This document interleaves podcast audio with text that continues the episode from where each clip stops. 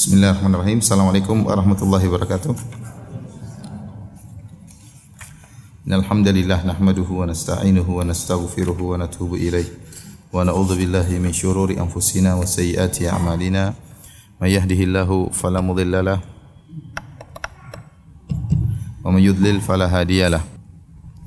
Asyhadu an la ilaha illallah wahdahu la syarika lah wa asyhadu anna Muhammadan abduhu wa rasuluhu la nabiyya ba'dah ya ayyuhalladzina amanu taqullaha haqqa tuqatih wa la tamutunna illa wa antum muslimun. Fa inna asdaqal hadithi kitabullah wa khairal huda huda Muhammadin sallallahu alaihi wasallam wa syarrul umuri muhdatsatuha wa kullu muhdatsatin bid'ah wa kullu bid'atin dhalalah wa kullu dhalalatin finnar. Ikhwani fillah wa akhwati fiddin azani Allah yakum. Hadirin dan hadirat yang dirahmati oleh Allah Subhanahu wa taala. Alhamdulillah puji dan syukur kita panjatkan kepada Allah Subhanahu wa taala yang terus memberikan kita karunia dan banyak sekali kemudahan Ya meskipun betapa sering kita terjerumus dalam dosa-dosa. Salawat dan salam tercurahkan selalu kepada junjungan kita Nabi Muhammad sallallahu alaihi wasallam dan juga kepada keluarganya serta seluruh sahabat beliau tanpa terkecuali. Insyaallah pada pagi hari ini kita lanjutkan pengajian kita tentang syarah kitab Tauhid dan kita sampai pada halaman berapa? Halaman 47. Halaman berapa? baru pertama masuk? Apa sudah dibahas? Belum dibahas sama sekali? Belum ya. Taib, kita akan bahas tentang bab fadlu tauhid wa ma yukaffiru minadz-dzunub. Bab tentang keutamaan tauhid dan dosa-dosa yang digugurkannya. Dosa-dosa yang digugurkannya. Baik ibu-ibu yang dirahmati Allah Subhanahu wa taala, kita masuk pada bab yang kedua.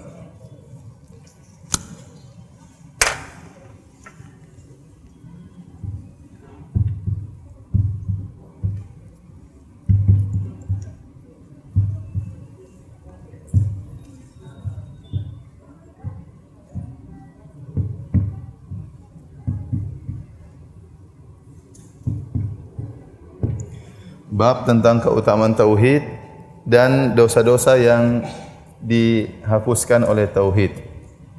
Jadi ada dua poin. Yang pertama keutamaan tauhid. Yang kedua bahwasanya tauhid menghapuskan dosa-dosa. Adapun mengenai ma di sini, ma di sini ada dua kemungkinan kata para pensarah kitab tauhid. Bisa jadi ma artinya al-mausulah atau ma al-masdariyah. Ini sudah saya bahas ya? Belum ya? Ma al-mausulah artinya uh, kalau kita artikan dalam bahasa Arab artinya dan dosa-dosa yang digugurkan oleh tauhid. Adapun kalau ma al masdariyah maka maknanya adalah tauhid menggugurkan dosa-dosa. Apa bedanya ini dengan yang ini? Kalau al-mal asma al-masdariyah jadi takdirnya sama alladhi, maksudnya alladhi ya. Walladhi yukaffiruhu yukaffiru minadz dzunub. Adapun ma'al masdariyah kalau ditakdirkan wa takfiruhu dzunub. Ibu Bu tahu bahasa Arab enggak? Enggak ya, salah sendiri ya, bukan salah saya. Jadi kalau kita terjemahkan bahasa Indonesia, bab tentang keutamaan tauhid dan dosa-dosa yang digugurkan oleh tauhid. Ini kemungkinan pertama. Kemungkinan kedua kalau ma al masdariyah artinya bab keutamaan tauhid tentang bahwasanya tauhid menggugurkan apa? Dosa-dosa. Kalau kita kembali kepada yang pertama, seakan-akan ada dosa-dosa yang digugurkan dan ada dosa-dosa yang tidak digugurkan. Dan dosa-dosa yang digugurkan seakan-akan mengisyaratkan ada dosa yang tidak digugurkan. Paham? Tetapi kalau kita maknakan kepada al-masdariyah bahwasanya tauhid menggugurkan dosa-dosa ini umum, mencakup seluruh dosa-dosa. Maka yang benar yang ini, yang lebih kuat. Karena tauhid menggugurkan seluruh dosa tanpa terkecuali. Semua dosa bisa digugurkan oleh tauhid. Jadi ini yang benar ya, tauhid bisa menggugurkan seluruh dosa.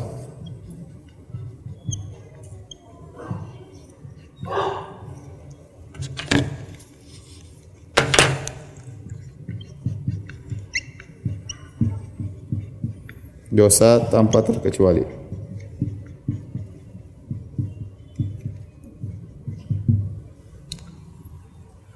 Baik, ibu-ibu yang dirahmati Allah Subhanahu wa taala, keutamaan tauhid banyak ya. Ada beberapa keutamaan tauhid, di antaranya keutamaan tauhid, di antaranya satu mendapat syafaat Nabi.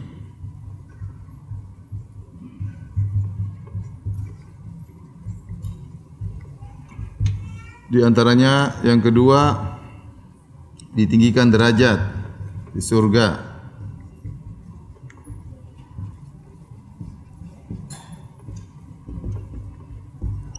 Di antaranya tiga tenang di dunia, di dunia apalagi di akhirat.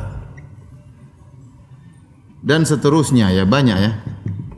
Di antaranya yang keempat atau seterusnya di antaranya adalah menggugurkan menggugurkan dosa-dosa. Taib. Ibu sana nggak kelihatan ya?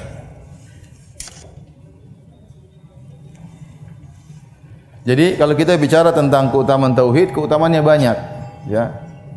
Orang yang bertauhid akan diberi ketenangan, orang yang bertauhid akan diberi keamanan di dunia maupun di akhirat. Orang yang bertauhid akan mendapat syafaat Nabi SAW. Orang yang bertauhid ditinggikan derajatnya di surga. Ya, di antara keutamaan tersebut ada satu keutamaan yaitu menggugurkan apa? Dosa-dosa. Jadi bab ini kata para ulama namanya uh, penyebutan umum, penyebutan khusus setelah umum. Karena keutamaan tauhid kan banyak nih ya. Paham kan? Bab tentang keutamaan tauhid. Keutamaannya ada banyak nih. Kemudian disebutkan dan bahwasanya tauhid menggugurkan apa? Dosa-dosa. Kenapa Syekh Muhammad bin Abdul Wahab penulis mengkhususkan keutamaan ini? Padahal keutamaannya banyak, bukan cuma ini aja. Ya, paham? Tetapi dia mengkhususkan penyebutan ini karena ini keutamaan yang sangat spesial.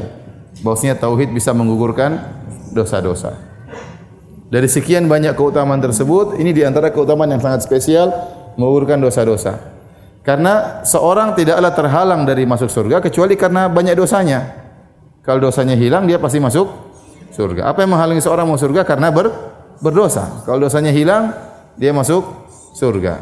Maka seorang berusaha meningkatkan kualitas tauhidnya, baik tauhid rububiyah, uluhiyah maupun asma sifat, maka itu akan berpengaruh menghapuskan dosa-dosanya. Semakin kuat tauhidnya, semakin dia paham tentang tauhid rububiyah, uluhiyah, asma sifat, semakin dia amalkan Semakin dia besarkan dalam hatinya, maka kualitas tauhid tersebut untuk menggugurkan dosa-dosa semakin kuat.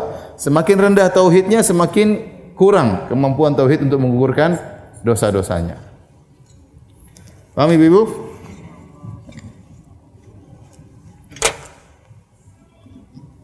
Uh, kita lanjutkan sekarang.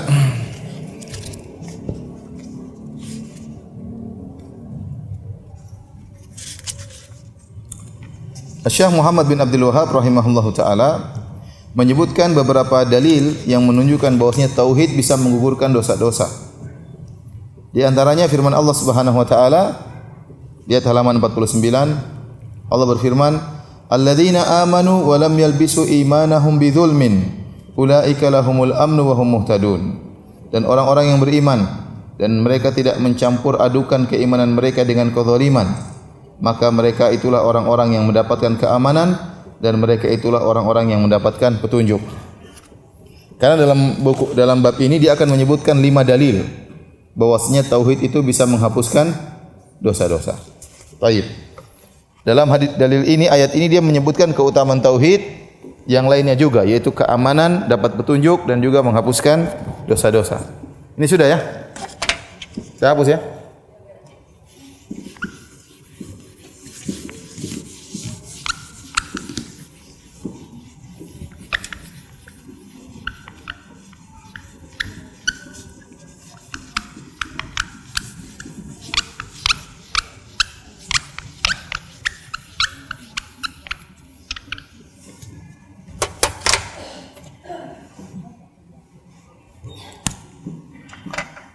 Dalil pertama Allah berfirman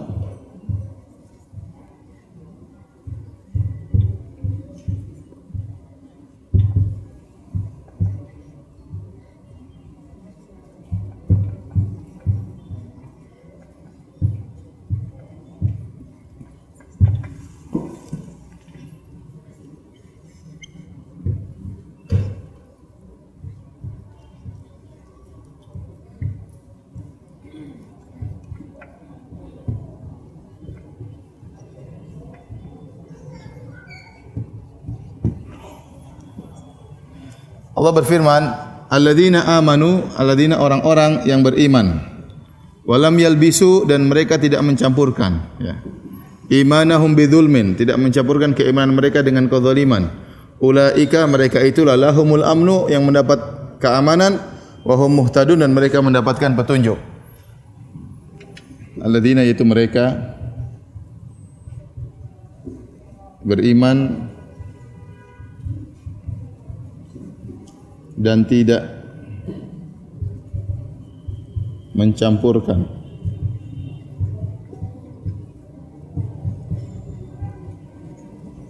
Keimanan mereka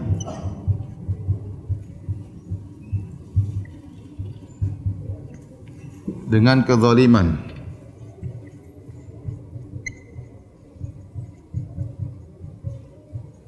Mereka itulah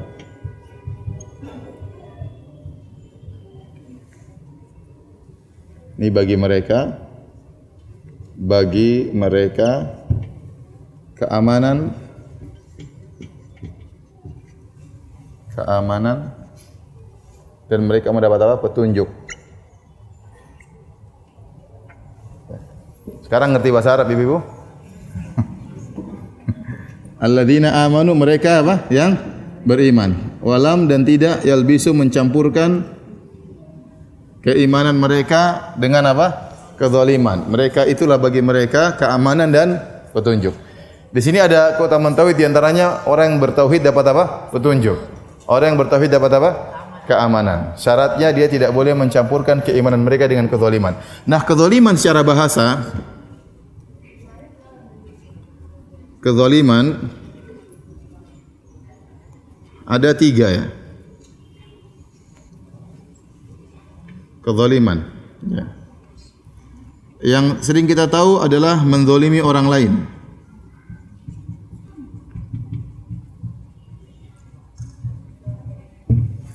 Yang kedua, menzolimi diri sendiri.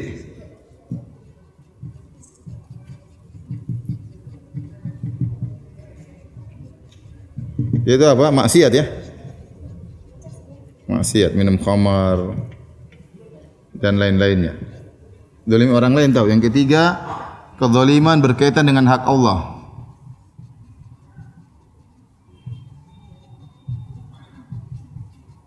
Berkaitan dengan hak Allah. Yaitu apa? Kesyirikan. Paham Ibu? Kezaliman ada tiga. Nah, Kezaliman tidak terlepas dari tiga kezaliman ini. Seorang mungkin menzalimi dirinya sendiri. Dia mungkin bermaksiat, mungkin melihat hal yang haram, melihat hal yang diharamkan oleh Allah Subhanahu wa taala. Mungkin dia meninggalkan salat, ya. Mungkin tidak apa namanya? tidak berpuasa Ramadan. Itu semua menzalimi diri sendiri. Ini yang biasa orang lakukan. Atau dia menzalimi orang lain, nyuri barang orang tidak dikembalikan, ngibahin orang, ya menjatuhkan harga diri orang lain, ya. Utang enggak dibayar-bayar, ya. Ini semua mendolimi apa? Orang lain. Kata Nabi SAW, Matalul ghani zulmun. Orang yang kaya mampu bayar hutang, dia tunda-tunda, dia berbuat zalim. Semakin dia tunda, semakin zalim banyak dia laku, lakukan. Makanya kalau punya hutang segera bayar, jangan tunda-tunda. Kecuali orang yang diutangi mengikhlaskan. Tapi bukan ikhlas terpaksa ya. Taib. Yang ketiga, Kezaliman berkaitan hak kesyirikan. Makanya waktu turun ayat ini, alladzina amanu wa lam yalbisu imanahum bidzulmin ulaika lahumul amnu, maka para sahabat datang kepada Nabi, mereka berkata, "Ya Rasulullah, ayyuna lam yadhlim nafsahu?" Ya Rasulullah, siapa sih di antara kami yang tidak bisa yang selamat dari kezaliman? Siapa di antara kami yang tidak mendolimi dirinya sendiri? Kami pasti berbuat zalim kalau tidak mendolimi orang lain, pasti mendolimi apa diri sendiri. Seakan-akan saat mengatakan di mana kita menerapkan ayat ini ya Rasulullah? Siapa yang tidak bermaksiat? Pasti kita bermaksiat. Terus bagaimana kita menerapkan ayat ini? Kata Allah, orang-orang yang beriman yang tidak mencampurkan keimanan mereka dengan apa? Kezaliman. Ayyuna lam yadhlim nafsahu. Siapa yang tidak pernah bermaksiat ya Allah? Ya Rasulullah. Maka Rasulullah SAW menjelaskan ayat ini maksudnya bukan demikian. Kata Nabi SAW, Laisa kama tadhabuna ilaih. Bukan seperti yang kalian persangkakan. Alam tasma'u ila qaulil abdi salih. Tidakkah kalian mendengar tentang perkataan seorang hamba Allah yang saleh itu Luqman? Inna syirka la dzulmun azim. Sungguhnya syirik adalah kezaliman yang besar. Jadi yang termasuk yang dimaksud dalam ayat ini dengan kezaliman maksudnya apa? Ini. Jadi cuma ini maksudnya. Paham Ibu-ibu? Ini bukan dan ini juga bukan. Padahal kezaliman harusnya maknanya tiga. Tetapi ternyata Nabi menjelaskan ayat ini khusus kezaliman yang berkaitan dengan apa? Hak Allah. Jadi kalau kita bisa artikan, wahai orang-orang yang beriman dan tidak mencampurkan keimanan mereka dengan kesyirikan. Karena kezaliman sini artinya apa? Kesyirikan. Mereka itulah orang mendapat petunjuk dan mereka mendapatkan keamanan. Paham maksudnya? Kalau ujian bisa jawab tidak? Ini pengajian nggak ada ujiannya, makanya lulus semua. Jadi saya ulangi, ayat ini menjelaskan tentang keutamaan tauhid orang yang tidak mencampurkan tauhidnya dengan kesyirikan sama sekali. Ya, bisa jadi seorang bertauhid bermaksiat mungkin. Bisa jadi seorang bertauhid mendolimi orang bis mungkin. Tapi kalau dia tidak melakukan kesyirikan sama sekali, maka insya Allah dia dapat keamanan dan juga dia dapat petunjuk dari Allah Subhanahu wa taala. Dan kalau orang mendapat keamanan, keamanan ini ada dua ya. Keamanan di dunia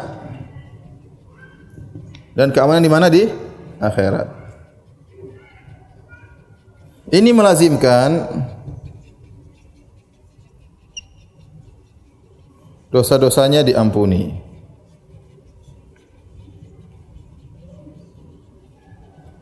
Kalau orang dosanya tidak diampuni, aman atau tidak di akhirat? Enggak ada, enggak aman. Dia pasti diazab kalau punya dosa. Maka orang yang bertauhid, dia akan mendapatkan keamanan di dunia maupun di akhirat dan ini melazimkan dosa-dosanya pasti diampuni oleh Allah Subhanahu wa taala. Seseorang berusaha menjauhkan dirinya dari segala bentuk kesyirikan. Syirik besar apalagi termasuk juga syirik-syirik kecil. Semakin seorang menjauhkan dirinya dari riya, dari penyakit ujub, mengharapkan pujian orang lain, mengharapkan pengakuan orang lain, maka hatinya semakin tenteram di dunia, apalagi di di akhirat. Apalagi di akhirat. Dan dosa-dosanya insya Allah diampuni oleh Allah Subhanahu wa taala. Syaratnya tidak boleh mencampurkan dengan kesyirikan sama sekali. Baik syirik besar maupun syirik apa? Kecil. Ngerti? Ada yang tidak ngerti tanya. Silakan. Salam telah Iya. Mendapat keamanan. Apa keamanannya?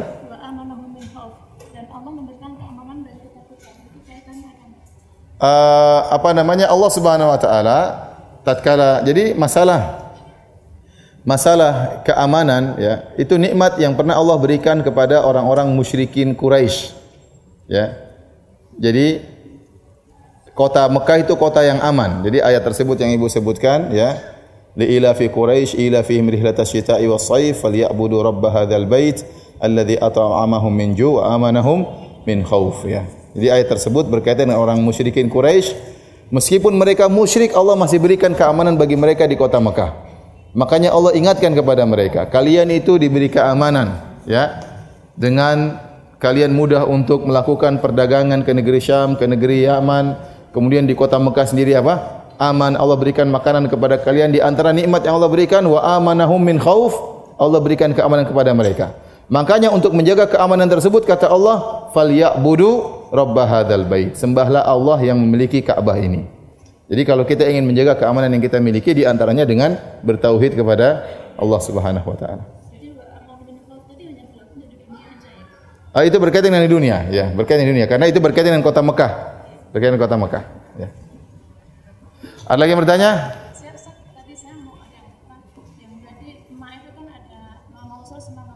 Iya. Kalau masdar itu apa ya? Saya lupa. Itu mentakwilkan fiil menjadi masdar. Ibu tahu bahasa Arab? Oh enggak ya. Susah juga saya jelasinnya. Hah? Kan kan. Iya, ada alladzi kalau apa namanya kalau masdariyah itu diartikannya eh, takfiruhum lidzunub, tapi ini pakai bahasa Arab ya. Insya Allah nanti kalau ibu sudah belajar bahasa Arab kita bisa jelaskan lebih apa? Lebih lanjut insya Allah. Baik, kita lanjutkan. Masih ada yang bertanya Bapak-bapak? Silakan. Surat apa? Di buku nggak ada kan? Al-An'am Al-An'am ayat berapa? 82. Baik, ayat ini punya kisah. Ayat ini punya kisah. Coba buka Al-Qur'an. Yang lain buka Al-Qur'an. Buka Al-Qur'an Surat Al-An'am ayat 76. Ayat 75. Coba buka surat Al-An'am ayat 75. Surat Al-An'am ayat 75 sampai 82. Dari Al- Al-An'am ayat 75. Sudah dibuka Al-Quran? Ayat ini yang kita sedang bahas tadi, surat Al-An'am ayat 82, dia merupakan penghujung dari kisah perdebatan Ibrahim dengan kaumnya. Dia adalah penghujung dari kisah perdebatan antara Nabi Ibrahim dengan kaumnya. Yaitu dari ayat 75 dan seterusnya. Saya bacakan ayatnya ya. Kata Allah Subhanahu wa taala dalam surat Al-An'am ayat 75, "Wa kadzalika nuri Ibrahim malakutas samawati wal ardi wa liyakuna minal muqinin." Dan demikianlah kami tampakkan kepada Ibrahim tanda-tanda keagungan kami yang terdapat di langit dan di bumi agar dia termasuk orang-orang yang yakin. Jadi Ibrahim alaihissalam ditampakkan kepada Allah tentang tanda-tanda keagungan Allah di langit maupun di bumi kata Allah liya waliyakuna minal muqinin agar dia termasuk dari orang-orang yang yakin. Kemudian jadi Nabi Ibrahim sudah yakin, Ibrahim sudah yakin, sudah beriman. Dalam bahasa Arab ada namanya fa, ada namanya summa, ada namanya wa. Jadi dalam bahasa Indonesia ada namanya kata ganti. Apa namanya? Kata ganti. Ini sudah saya jelaskan ya. Belum ya? Kata ganti dalam bahasa Arab itu ada tiga. Ada namanya wa dan artinya dan. Ada namanya fa artinya lalu. Ada namanya summa. Summa artinya kemudian. Dan ini artinya mengumpulkan dua perkara tanpa ada tertib, tanpa tertib. Contohnya saya mengatakan datang Muhammad wa Umar. Datang Muhammad dan siapa? Umar. Siapa lebih dahulu datang? Tidak mesti bareng-bareng, tidak jelas. Pokoknya dua-duanya apa? Datang. Paham? Yang datang di luar tidak tahu kita. Datang ibu-ibu dan bapak-bapak. Mana lebih dulu? Pokoknya semuanya datang. Yang mana lebih, lebih dulu saya tidak tidak tahu. Maka saya menggunakan kalimat apa? Da. Tapi kalau saya menggunakan fa, saya mengatakan datang Muhammad fa Umar. Telah datang Muhammad lalu siapa? Umar. Siapa yang lebih dahulu? Muhammad dulu baru Umar. Hanya saja jaraknya enggak ada. Jadi berdekatan begitu datang Muhammad terus datang siapa? Umar. Tapi kalau saya bilang summa datang Muhammad summa Umar maka ada jarak. Datang Muhammad kemudian siapa? Beberapa lama kemudian datang siapa? Si Umar. Paham? Jadi ibu-ibu tahu fa ini menunjukkan tertib atau tidak? Fa tertib atau tidak? Fa itu tertib tanpa jarak. Kalau summa tertib dan berjarak. Paham?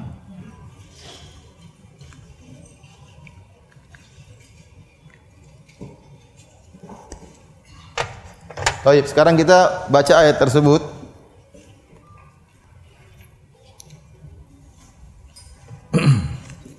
Perhatikan surat Al-An'am tadi. Sebelumnya Allah mengatakan wa kadzalika nuri Ibrahim malakutas samawati wal ardi wa liyakuna minal muqinin. Dan demikianlah kami tunjukkan kepada Ibrahim tentang tanda-tanda kebesaran kami di di mana di langit maupun di bumi agar dia termasuk orang-orang yang yakin. Sekarang Ibrahim sudah yakin belum? Sudah. Allah mengatakan agar dia termasuk orang-orang yang apa? Yang yakin. Sekarang dia sudah yakin, sudah beriman. Kemudian Allah berfirman, "Falamma janna alaihi lailu ra'a kaukaba qala hadza rabbi." Falamma afala qala la uhibbul afilin. Tatkala tiba malam hari, fa di situ menunjukkan apa? Tertib atau tidak? Tertib. Artinya lalu tatkala tiba malam hari Ibrahim melihat bintang yang muncul dan dia berkata ini adalah Tuhanku. Falamma afala tatkala bintang tersebut pergi dia berkata la uhibbul afilin. Aku tidak suka kalau ada Tuhan yang pergi, yang hilang. Saya lanjutkan. Falamma ra'al qamara bazighan, tatkala dia melihat matahari terbit, qala hadza rabbi, dia berkata ini Tuhanku. Falamma afala tatkala rembulan pergi dia mengatakan la illam yahdini rabbi la akunanna minal qaumidz dhalin. Kalau Rabbku tidak memberi petunjuk kepadaku, maka aku termasuk orang-orang yang sesat. Aku akan nyembah rembulan tersebut. Tapi Allah beri petunjuk kepadaku. Falamma ra'a syamsa bazighatan. Tatkala dia melihat matahari terbit, qala hadza rabbi. Dia mengatakan ini Tuhanku, hadza akbar, ini lebih besar daripada bintang daripada rembulan. Falamma afalat tatkala mataharinya hilang, qala ya qaumi inni bari'um mimma tusyrikun. Aku wahai kaumku, aku berlepas diri dari kesyirikan yang kalian lakukan. Inni wajjahtu wajhiya lilladzi fatara samawati wal arda hanifa. Sungguhnya aku mengarahkan wajahku kepada yang menciptakan langit dan bumi dalam kondisi lurus wa ma ana minal musyrikin dan aku bukan termasuk orang-orang yang musyrik wa hajahu qaumuhu maka dia pun didebat oleh kaumnya. Baik, ini kisah ini dalam surat Al-An'am dijadikan dalil oleh sebagian orang, orang-orang ahli filsafat bahwasanya Nabi Ibrahim mencari Tuhan. Ini yang kita pahami dulu waktu kita masih kecil. Nabi Ibrahim mencari apa? Tuhan. Cari Tuhan, lihat bintang ini Tuhanku. Ternyata bintangnya hilang kata dia ini bukan Tuhanku. Kemudian lihat rembulan, terbit dia bilang ini Tuhanku. Ternyata rambutnya hilang dia mengatakan bukan Tuhanku. Lihat matahari matahari hilang kata dia bukan Tuhanku. Yang benar Ibrahim tidak pernah cari Tuhan. Tetapi pembicaraan Ibrahim ini dia sedang berdialog sama kaumnya. Dia mengajak kaumnya untuk berfikir. Kenapa tadi saya bahas masalah wa fa dan thumma karena sebelum terjadi perkataan ini Ibrahim sudah yakin. Lihat ayat sebelumnya. Tadi saya mengatakan Allah berfirman Wa kadzalika nuri Ibrahim malakutas samawati wal ardi wa liyakuna minal muqinin. Dan demikianlah kami menampakkan kepada Ibrahim kebesaran kami di langit dan di bumi agar dia termasuk orang-orang yang yakin. Lalu tatkala tiba malam hari dia bilang ini Tuhanku. Berarti dia sudah yakin sebelum ngomong tersebut. Nah, ternyata omongan Nabi Ibrahim ini bukan sedang mencari Tuhan tapi sedang berdebat. Ini dijelaskan oleh Ibnu Katsir rahimahullah dalam tafsirnya, kata beliau, "Lam yakun Ibrahimu nadhiran wa inna kana munadhiran." Sungguhnya Ibrahim tidak sedang mencari Tuhan, tapi dia sedang munadharah, sedang debat sama kaumnya. Di Nabi Ibrahim alaihissalam dia mendapati dua model kaum ya yang berbuat kesyirikan. Satu model kaum menyembah berhala, yang satu model kaum menyembah benda-benda langit. Nah, Ibrahim menemukan dua model kaum. Yang satu kaum yang menyembah berhala dan satunya kaum menyembah benda-benda langit. Adapun kaum yang menyembah berhala yaitu yang berada di kaum negerinya di Babil sehingga di kemudian ditangkepin kemudian mau dibakar hidup-hidup itu di kaum bapaknya, kaum aslinya, apa negeri negeri kampungnya. Kemudian setelah kaumnya tidak beriman kepada beliau Ibrahim alaihissalam, maka dia pun pergi meninggalkan kota Babil menuju negeri Syam. Di negeri Syam dia bertemu dengan model kaum yang kedua, yaitu kaum yang menyembah benda-benda benda-benda langit. Nah, Ibrahim tatkala bertemu dengan kaum penyembah berhala maupun bertemu dengan kaum penyembah rembulan, matahari dan bintang, beliau membantah hujah-hujah mereka dengan debat, dengan dialog. Contoh waktu dia bertemu dengan para penyembah patung, dia yang hancurin patung, terus dia bilang yang hancurin siapa? Yang patung yang besar, agar mereka berpikir. Paham? Padahal yang hancurin siapa? Dia. Dia patung ada patung besar, patung-patung kecil, semua dia hancurin. Kemudian dia biarkan kapak di tangan patung yang besar. Waktu mereka bertanya, "Man fa'ala hadza bi alihatina?" Innahu la minadh zalimin. Siapakah yang telah melakukan menghancurkan patung-patung kita? Sungguh dia termasuk orang-orang yang zalim. Qalu sami'na fatan yadhkuruhum yuqalu lahu Ibrahim. Kata mereka, kami dengar ada pemuda yang dulu ngejek-ngejek Tuhan kita. Namanya siapa? Ibrahim. Fa'tu bih, datangkan dia untuk dipermalukan Ibrahim. Akhirnya ditanya, "Anta fa'alta hadza bi alihatina ya Ibrahim?" Kau yang telah menghancurkan patung-patung ini? Kata Ibrahim, "Bal fa'alahu kabiruhum hadza fas'aluhum in kanu yantikun." Yang melakukan justru yang patung yang gede. Coba tanya yang hancur-hancur tadi ya, kalau mereka bisa jawab. Ya. Jadi Nabi Ibrahim padahal yang hancur. Nabi Ibrahim berdebat dengan mereka agar mereka ber, berfikir. Padahal yang hancurin siapa Nabi Ibrahim. Sama sekarang Nabi Ibrahim bertemu dengan para penyembah bintang, rembulan dan matahari. Maka dia berdebat, berdialog seakan-akan dia sedang mencari Tuhan. Padahal dia tidak mencari Tuhan. Karena kaum yang dia hadapi penyembah matahari, penyembah rembulan, penyembah bintang. Maka dia dialog satu-satu. Ketika dia mengatakan, "Wahai kalian penyembah bintang, saya juga ya apa namanya? Ingin cari Tuhan seperti kalian bintang saya ingin sembah tapi kenyataannya bintang hilang. Maka itu bukan Tuhan.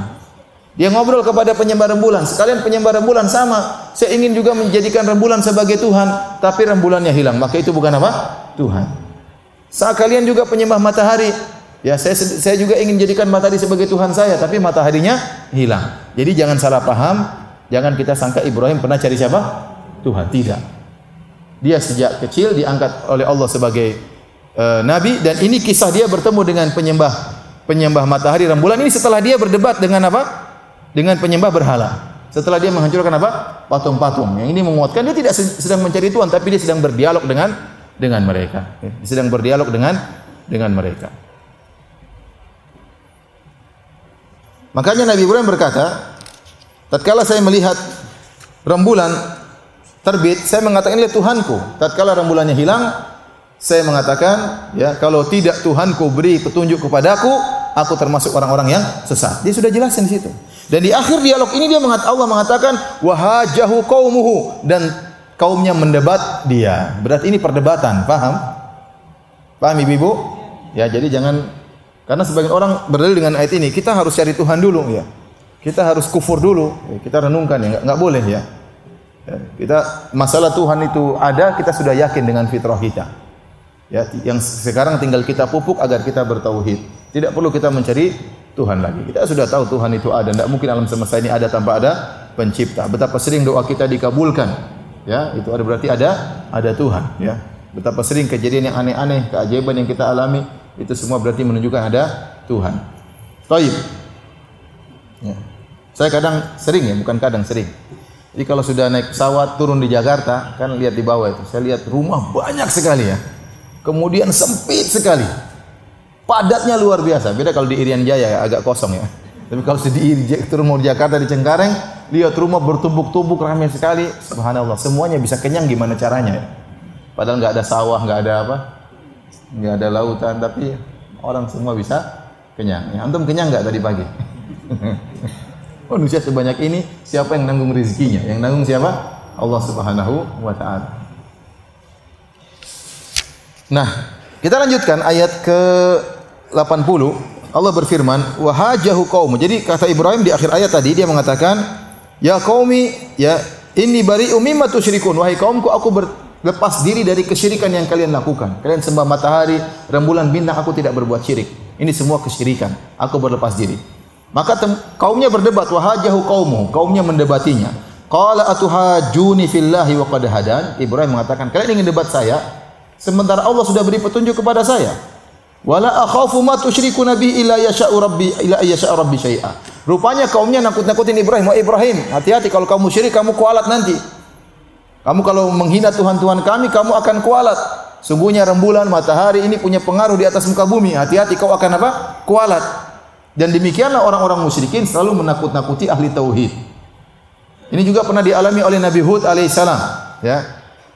Kata bang, kaumnya kepada Nabi Hud, "Inna raka illa tara inna inna inna inna qulu illa taraka ba'du alihatina bisu." Wahai Hud, menurut kami kau pasti tertimpa dengan keburukan yang ditimpakan oleh sebagian tuhan-tuhan kami. Inna qulu illa taraka ba'du alihatina bisu. Kau pasti kualat wahai Hud karena kau melarang kami melakukan kesyirikan, kau pasti kualat, pasti kau tertimpa kemudaratan dari sebagian tuhan-tuhan kami. Apa jawaban Nabi Hud alaihissalam? Qala inni usyhidullah wa asyhadu anni bari'um mimma tusyrikuna min duni fakiduni jami'an thumma la tunzirun. Kata Nabi Hud alaihi salam, aku bersaksi bahwasanya tidak ada yang berhak disembah kecuali Allah Subhanahu wa taala. Ya. Dan bersaksilah kalian bahwasanya aku berlepas diri dari seluruh kesyirikan yang kalian lakukan. Kalian mau nakut-nakuti saya enggak jadi masalah. Kemudian kata Nabi Hud, fakiduni jami'an thumma la tunzirun. Kalau kalian hebat, kata Nabi Hud, kalian kumpul semuanya beri kemudaratan kepada saya dan jangan tunda-tunda. Jadi Nabi Hud sangat kuat imannya. Jadi ada yang ngancam-ngancam, ada yang ngancam-ngancam kata dia, nanti kualat-kualat sudah semuanya tukang kualat itu datang sini kualatkan saya dan jangan tunda-tunda. Tapi mau saya Nabi Hud itu imannya sangat kuat. Waktu ditakut-takuti sama teman-teman mereka kata, kata Nabi Hud, "Fakiduni jami'an." Kalian semua tuhan-tuhan kalian bikin makar sama saya. Tsumma la tundirun. Dan jangan tunda, saya tunggu. Silakan. Silakan mau nyerang saya silakan. Ya, imannya sangat apa? Sangat kuat ya. Karena ada orang jadi agak takut berdakwah tatkala ditakut-takutin sama dukun ya. Takut. Ngeri juga kalau dakwah situ. Jangan terlalu banyak omong tentang dukun nanti disantet. Akhirnya agak goyang. Tapi Nabi Hud tidak. Nabi Ibrahim alaihissalam juga ditakut-takuti. Kamu hati-hati. Akhirnya Nabi Ibrahim berkata, "Wala akhafu ma tusyrikuna bihi." Aku tidak takut dengan kesyirikan yang kalian lakukan. Kalian takut-takut saya tidak pernah takut. Makanya di akhir ayat kata Ibrahim, "Wa kaifa akhafu ma asyraktum wa la takhafuna annakum asyraktum billahi ma lam yunazil bihi alaikum sultana." Bagaimana aku takut dengan bagaimana aku takut dengan Tuhan-tuhan kalian dengan kesyirikan sementara kalian tidak takut telah berbuat syirik kepada Allah Subhanahu wa taala. Fa ayyul fariqaini ahaqqu bil amni in kuntum ta'lamun. Seharusnya yang merasa lebih aman siapa? Saya atau kalian? Harusnya yang lebih takut siapa? Saya atau kalian? Maka Nabi Ibrahim mengatakan ayat tersebut, alladzina amanu wa lam yalbisu imanahum bidzulmin ulaika lahumul amnu wa hum muhtadun. Orang-orang yang beriman tidak berbuat syirik, mereka itulah yang harusnya merasa aman, tidak perlu takut. Kalian yang musyrikin ini harusnya apa? Takut. Jadi itulah kisah kenapa muncul ayat ini. Paham? Ayat ini adalah penghujung dari perdebatan dialog antara Nabi Ibrahim dengan kaumnya yang berbuat kesyirikan yang mereka mengancam Ibrahim akan kualat karena menghina sembahan-sembahan mereka. Kata Nabi Ibrahim, saya tidak takut, ya. Harusnya mana yang lebih takut, saya atau kalian? Siapakah yang merasa aman, yang bertauhid atau yang berbuat syirik? Kata ya, harusnya yang merasa aman yang berbuat apa? Tauhid. Taib. Sudah ibu-ibu? Kalau sudah saya menghapus. Sudah atau belum?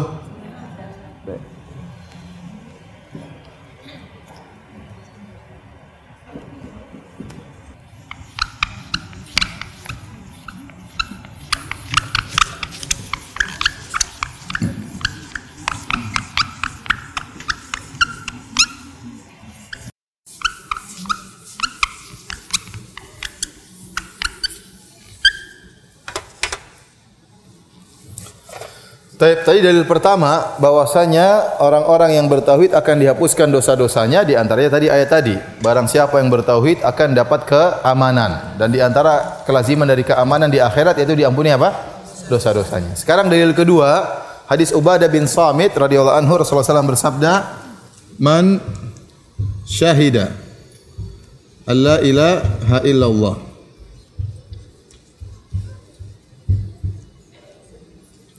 Kemudian anna Muhammadan abduhu wa rasuluh. Wa anna Isa Abdullahi Abdullah atau abduhu? Hah? Abduhu. Abdullahi wa rasuluh. Wa kalimatuhu alqaha ila Maryam. Wa ruhum minhu. Ya kemudian? Wal jannatu haqqun wan naru haqqun.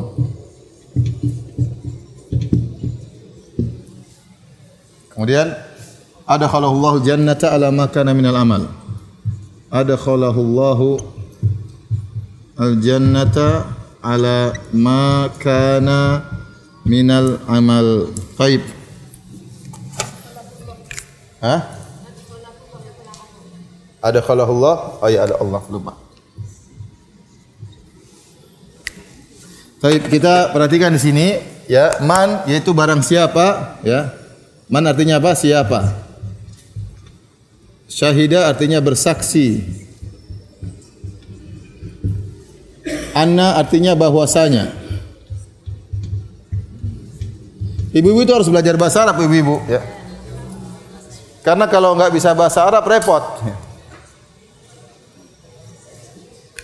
Apalagi kata orang nanti ditanya malaikat pada di kuburan gimana jawabnya kalau nggak bisa bahasa Arab. di surga katanya pakai bahasa Arab. Kalau nggak bisa bahasa Arab gimana? Ya gimana mau rayu suami? Nanti suami dirayu bidadari, ibu-ibu nggak bisa ngerayu. Tapi hadisnya doaif ya, nggak benar. Jadi belajar bahasa Arab itu penting untuk bisa memahami Al-Quran dan apa? Sunnah. Penting. Lebih penting dari bahasa Inggris, lebih penting dari bahasa Jawa, lebih penting dari bahasa Indonesia ya. Lebih penting bahasa Arab. Maka sisihkan waktu. Harusnya ada pelajaran bahasa Arab. Pelajaran bahasa Arab itu kalau orang serius setahun insya Allah bisa. Seminggu sekali, setahun insya Allah apa? Bisa. Ya. Tapi harus belajar ya. Siapa yang bersaksi bahwasanya la ilaha illallah tidak ada sembahan yang berhak disembah kecuali siapa? Allah. Dan wa dan bahwasanya Muhammad adalah hambanya hambanya, kalungnya. Ya. Ini sudah sering saya sampaikan dalam pengajian-pengajian ya. Yang pertama, tatkala uh, kalung istrinya Aisyah hilang, sehingga kemudian Aisyah mencari, akhirnya Nabi pergi tidak tahu kalau Aisyah belum kembali ke kerandanya. Sehingga Nabi pergi bersama para sahabat, ternyata Aisyah belum balik. Istrinya belum balik saja dia tidak tahu. Rasulullah SAW tidak tahu. Akhirnya Aisyah pulang belakangan di, diantar oleh seorang sahabat namanya Sofwan bin Ma'tal Al-Sulami, akhirnya dituduh berzina. Ya, dituduh berzina. Kemudian waktu dituduh berzina selama sebulan Nabi bingung, Aisyah ini benar bermaksiat atau tidak. Kalau Nabi tahu ilmu gaib, jangankan masa depan, masa lalu saja Nabi tidak tahu. Nabi tidak tahu apakah istrinya bersalah atau tidak sampai turun ayat membela siapa? Aisyah radhiyallahu taala anha. Kemudian juga waktu kejadian kedua, waktu Aisyah kehilangan di malam hari kehilangan kalungnya. Akhirnya Rasulullah SAW menyuruh, menyuruh para sahabat untuk mencari kalung Aisyah. Maka dipimpin oleh Usaid bin Hudair, para sahabat nyari. Situ ada Umar, ada Abu Bakar. Nabi semuanya nyari kalung. Ternyata sampai subuh kalung Aisyah tidak ketemu. Ya tidak ketemu. Akhirnya orang-orang pada marah-marah kepada Abu Bakar, "Wahai Abu Bakar, gara-gara putrimu sekarang sudah subuh, sudah masuk waktu salat subuh sementara kami belum berwudu dan air wudu tidak ada. Mereka sedang dalam safar." Akhirnya turun firman Allah Subhanahu wa taala, "Falam tajidu ma'an fatayammamu sa'idan thayyiba." Kalau kalian tidak mendapatkan air maka silakan bertayamum. Ternyata gara-gara hilangnya kalung Aisyah turun ayat apa? Tayamum. Setelah itu baru, mereka memuji Abu Bakar kata memuji Aisyah kata mereka, "Ma hiya bi awwali barakatikum ya ala Abi Bakar." Ini bukanlah keberkahan pertama wahai Aisyah. Engkau sering membawa apa? Keberkahan. Gara-gara kalungmu hilang turun ayat tentang apa? Tayamum. Nabi cari semalam itu enggak ketemu. Padahal di situ ada orang ahli ahli surga, ada Abu Bakar, ada Umar dan yang lainnya. Ternyata kalungnya didudukin sama ontanya. Begitu ontanya berdiri baru ketahuan apa? Kalungnya. Ya pantas nggak ketemu-ketemu, ya. Ontanya pun tidak ngomong sama Nabi ya. Jadi maksud saya, jangankan masa depan, masa lalu pun Nabi tidak tahu, masa sekarang juga Nabi tidak tahu. Nabi hanya tahu ilmu gaib yang diberitahukan oleh Allah Subhanahu wa taala. Oleh karenanya seorang penyair seperti Al-Busiri yang mengatakan, ya, wa inna min ulumika ilmu lauhi wal qalami. Wahai Muhammad di antara ilmumu adalah ilmu lauhil mahfuz. Ini kedustaan. Ini tidak benar. Kalau Nabi tahu lauhil mahfuz berarti Nabi tahu ilmu gaib. Nabi saja diracuni oleh oleh wanita Yahudi, Nabi tidak tahu. Nabi dikasih makan, makan dengan para sahabat, para sahabat teracuni, Nabi setelah makan kambingnya ngomong, "Ini masmumah, sungguh saya beracun." Maka Nabi keluarkan tapi sudah terlanjur sempat tertelan. Gara-gara racun inilah tiga tahun berikutnya Nabi SAW meninggal dunia. Ya Rasulullah mengatakan kepada Aisyah, saya masih merasakan bekas racun tersebut. Kalau Nabi tahu ilmu gaib, dia tidak akan diracuni.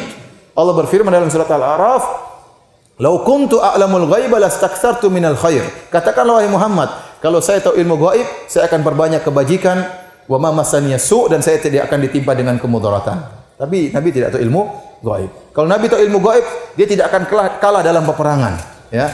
Ternyata para sahabatnya meninggal sekitar 70 orang dalam perang Uhud. Nabi tidak tahu ilmu gaib. Maka barang siapa yang mengatakan Nabi tahu ilmu gaib, dia menjajarkan Nabi Muhammad dengan siapa? Allah Subhanahu wa taala. Ya. Orang banyak berlebih-lebihan kepada Rasulullah. Jangankan Rasulullah, bahkan kepada di bawah Rasulullah saja orang berlebih-lebihan. Contohnya kepada Abdul Qadir Jailani. Dikatakan dalam sebuah, sebuah buku namanya Jawahirul Ma'ani, dikatakan Abdul Qadir Jailani sudah diberikan kun oleh Allah. Kalau dia bilang kun maka fayakun. Jangankan Abdul Qadir Jailani, Nabi saja tidak diberi kun. Kalau Nabi diberikan kun, Nabi pasti menang dalam perang. Dalam perang Uhud Nabi bilang kun fayakun, mampus maka mampuslah, semua akan mampus. Tapi Nabi tidak tidak berkata demikian. Nabi terluka, giginya patah. Kemudian darahnya keluar dari wajah beliau sampai Fatimah radhiyallahu anha berusaha mengobati Nabi dengan air tidak berhenti-berhenti. Kalau Nabi punya kun Nabi bilang berhenti maka berhentilah darah. Ya. Tumbuhlah gigi. Tidak, tidak tumbuh, patah, darah tidak bisa berhenti. Akhirnya Fatimah membakar semacam itu tumbuhan, kemudian ditempel kepada pipi Nabi baru kemudian darahnya berhenti. Ya. Waktu anaknya meninggal Ibrahim, di pangkuan Nabi sallallahu alaihi wasallam, Nabi sallallahu alaihi wasallam mengatakan, "Innal aina innal qalba la yahzan wa innal aina la tadma." Wa inna bi firaqika wa inna bi firaqika la mahzunun ya Ibrahim. Kata Nabi sungguhnya hati ini sangat bersedih. Sungguhnya mataku mengalirkan air mata. Dan kami sangat sedih dengan kepergianmu, kepergianmu wahai putraku Ibrahim. Kalau Nabi bisa ku, Nabi bilang hidup maka hiduplah. Tidak jadi mati. Tapi ternyata meninggal dunia. Jadi tidak boleh seorang berlebihan. Dan Nabi dia adalah seorang manusia. Makanya dalam Al-Quran Allah mengatakan, Qul innama ana basyarun mislukum. Katakanlah wahai Muhammad kepada umatmu, sungguhnya aku ini adalah manusia seperti kalian. Basyarun mislukum. Aku ini manusia persis seperti kalian. Bedanya apa? Yuha ilayya. Bedanya aku dapat wahyu. Oleh karenanya Nabi secara umum bersifat manusia. Hanya saja dia diberi mukjizat-mukjizat sebagai bukti dia seorang rasul. Makanya Nabi makan ya sebagaimana kita makan. Orang-orang musyrikin Arab mereka mengejek Nabi. Kata mereka, "Mali hadzal rasul ya'kulu at-ta'ama wa yamshi fil aswaq." Rasul rasul macam apa ini? Kok jalan di pasar dan makan makanan? Laula unzila ilaihi malak. Coba diturunkan malaikat. Kenapa Rasul seorang manusia? Abu Jahal dan teman-temannya inginnya Rasul dari golongan apa? Malaikat. Tetapi ternyata Rasul dikirimkan dalam bentuk manusia. Ya. Wa ma arsalna kata Allah ma arsalna minal mursalina illa innahum la ya'kuluna ta'ama wa yamshuna fil aswaq. Bahkan Allah mengatakan bukan cuma engkau wahai Muhammad, tidaklah para rasul kami utus seluruhnya rasul tersebut makan dan jalan di pasar. Jadi bukan cuma Muhammad yang makan makanan. Semua rasul manusia dari Adam, Nuh dan seluruhnya manusia, maka mereka makan makanan dan mereka juga jalan di pasar. Kalau mereka mengejek engkau wahai Muhammad, semuanya rasul-rasul terdahulu juga sudah di diejek. Jadi manusia makan, minum, lapar, haus, buang air. Nabi buang air atau tidak? Buang air. Nabi beristinja, Nabi beristinja, Nabi beristijmar. Dalam hadis Rasulullah SAW datangkan air untuk ber, ber, untuk cebok, untuk istinja. Dalam sebagian hadis Rasulullah SAW minta didatangkan batu untuk beristijmar, membersihkan kotorannya. Ya. Rasulullah SAW juga manusia, Rasulullah SAW juga tidur, Rasulullah SAW juga sakit. Ya, Rasulullah SAW ditimpa apa yang ditimpa oleh manusia. Rasulullah SAW juga ada syahwatnya. Rasulullah SAW juga menikah. Rasulullah SAW menggauli istrinya. Rasulullah SAW juga punya anak. Rasulullah SAW juga meninggal dunia. Innaka mayyitun wa innahum mayyitun. Kau akan meninggal sebagaimana mereka juga akan meninggal. Jadi dia manusia, tidak boleh kita angkat derajat lebih dari sesungguhnya. Ya. Sebagian orang berlebih-lebihan kepada Nabi. Mengatakan Nabi SAW tidak buang air. Gimana tidak buang air? Rasulullah SAW cebok terus cebok apa kalau begitu? Ya. Rasulullah SAW cahaya badannya terbuat dari cahaya sehingga tidak punya tidak ada bayangannya. Ini juga enggak benar. Kalau Nabi keluar cahayanya dari awal, orang-orang Abu Jahal pasti sudah beriman. Karena mereka memang ingin ada makhluk yang spesial jadi rasul, maka mereka ingin malaikat jadi apa? Rasul. Kalau mereka lihat Nabi biasa-biasa saja, maka mereka mendustakan Nabi sallallahu alaihi wasallam. Seandainya Nabi berjalan cahaya keluar seperti lampu, ya, pasti orang sudah pada beriman. Paham? Jadi Nabi sallallahu alaihi wasallam adalah manusia, tidak boleh kita angkat berlebih-lebihan derajatnya. Makanya Allah memuji Nabi sebagai hamba Allah dalam banyak ayat. Contohnya Allah berfirman, Subhanalladzi asra bi 'abdihi lailan minal masjidil haram ilal masjidil aqsa alladzi barakna haulahu. Kata Allah Maha Suci Allah yang memperjalankan hambanya. Allah tidak mengatakan menjalankan rasulnya. Tapi Allah sedang memuji Nabi di tempat kondisi yang tertinggi itu kondisi Isra Mi'raj, itu kondisi Nabi yang mulia. Allah menggunakan lafal hambanya. Maha suci Allah yang telah menjalankan hambanya di malam hari. Kenapa? Karena Nabi benar-benar mewujudkan penghambaannya kepada Allah. Makanya kalau beliau beribadah sampai kaki beliau apa? Bengkak. Ya. Wa annahu lamma qama Abdullah. Tatkala Muhammad sedang berdiri salat kepada Allah. Allah mengatakan abduhu hambanya. Ya, ya. Wa in kuntum fi raibin mimma nazzalna ala abdina fa'tu bi suratin min mithli. Kalau kalian ragu tentang apa yang Al-Qur'an yang kami turunkan kepada hamba kami, karena Muhammad adalah hamba Allah. Ini seorang yang paling mewujudkan penghambaan kepada Allah Subhanahu wa taala sampai beliau salat dalam sampai kaki beliau bengkak. Aisyah berkata, "Ya Rasulullah, kenapa engkau salat padahal engkau sampai seperti ini? Padahal engkau telah dijamin masuk surga." Telah diampuni dosa-dosa yang telah lalu dan akan datang. Kata Nabi SAW, Afala akunu abdan syakura. Kenapa aku tidak menjadi hamba yang bersyukur kepada Allah Subhanahu Wa Taala. Jadi Muhammad adalah seorang hamba. Tapi ingat, meskipun dia seorang hamba, dia seorang rasul. Wa rasuluh.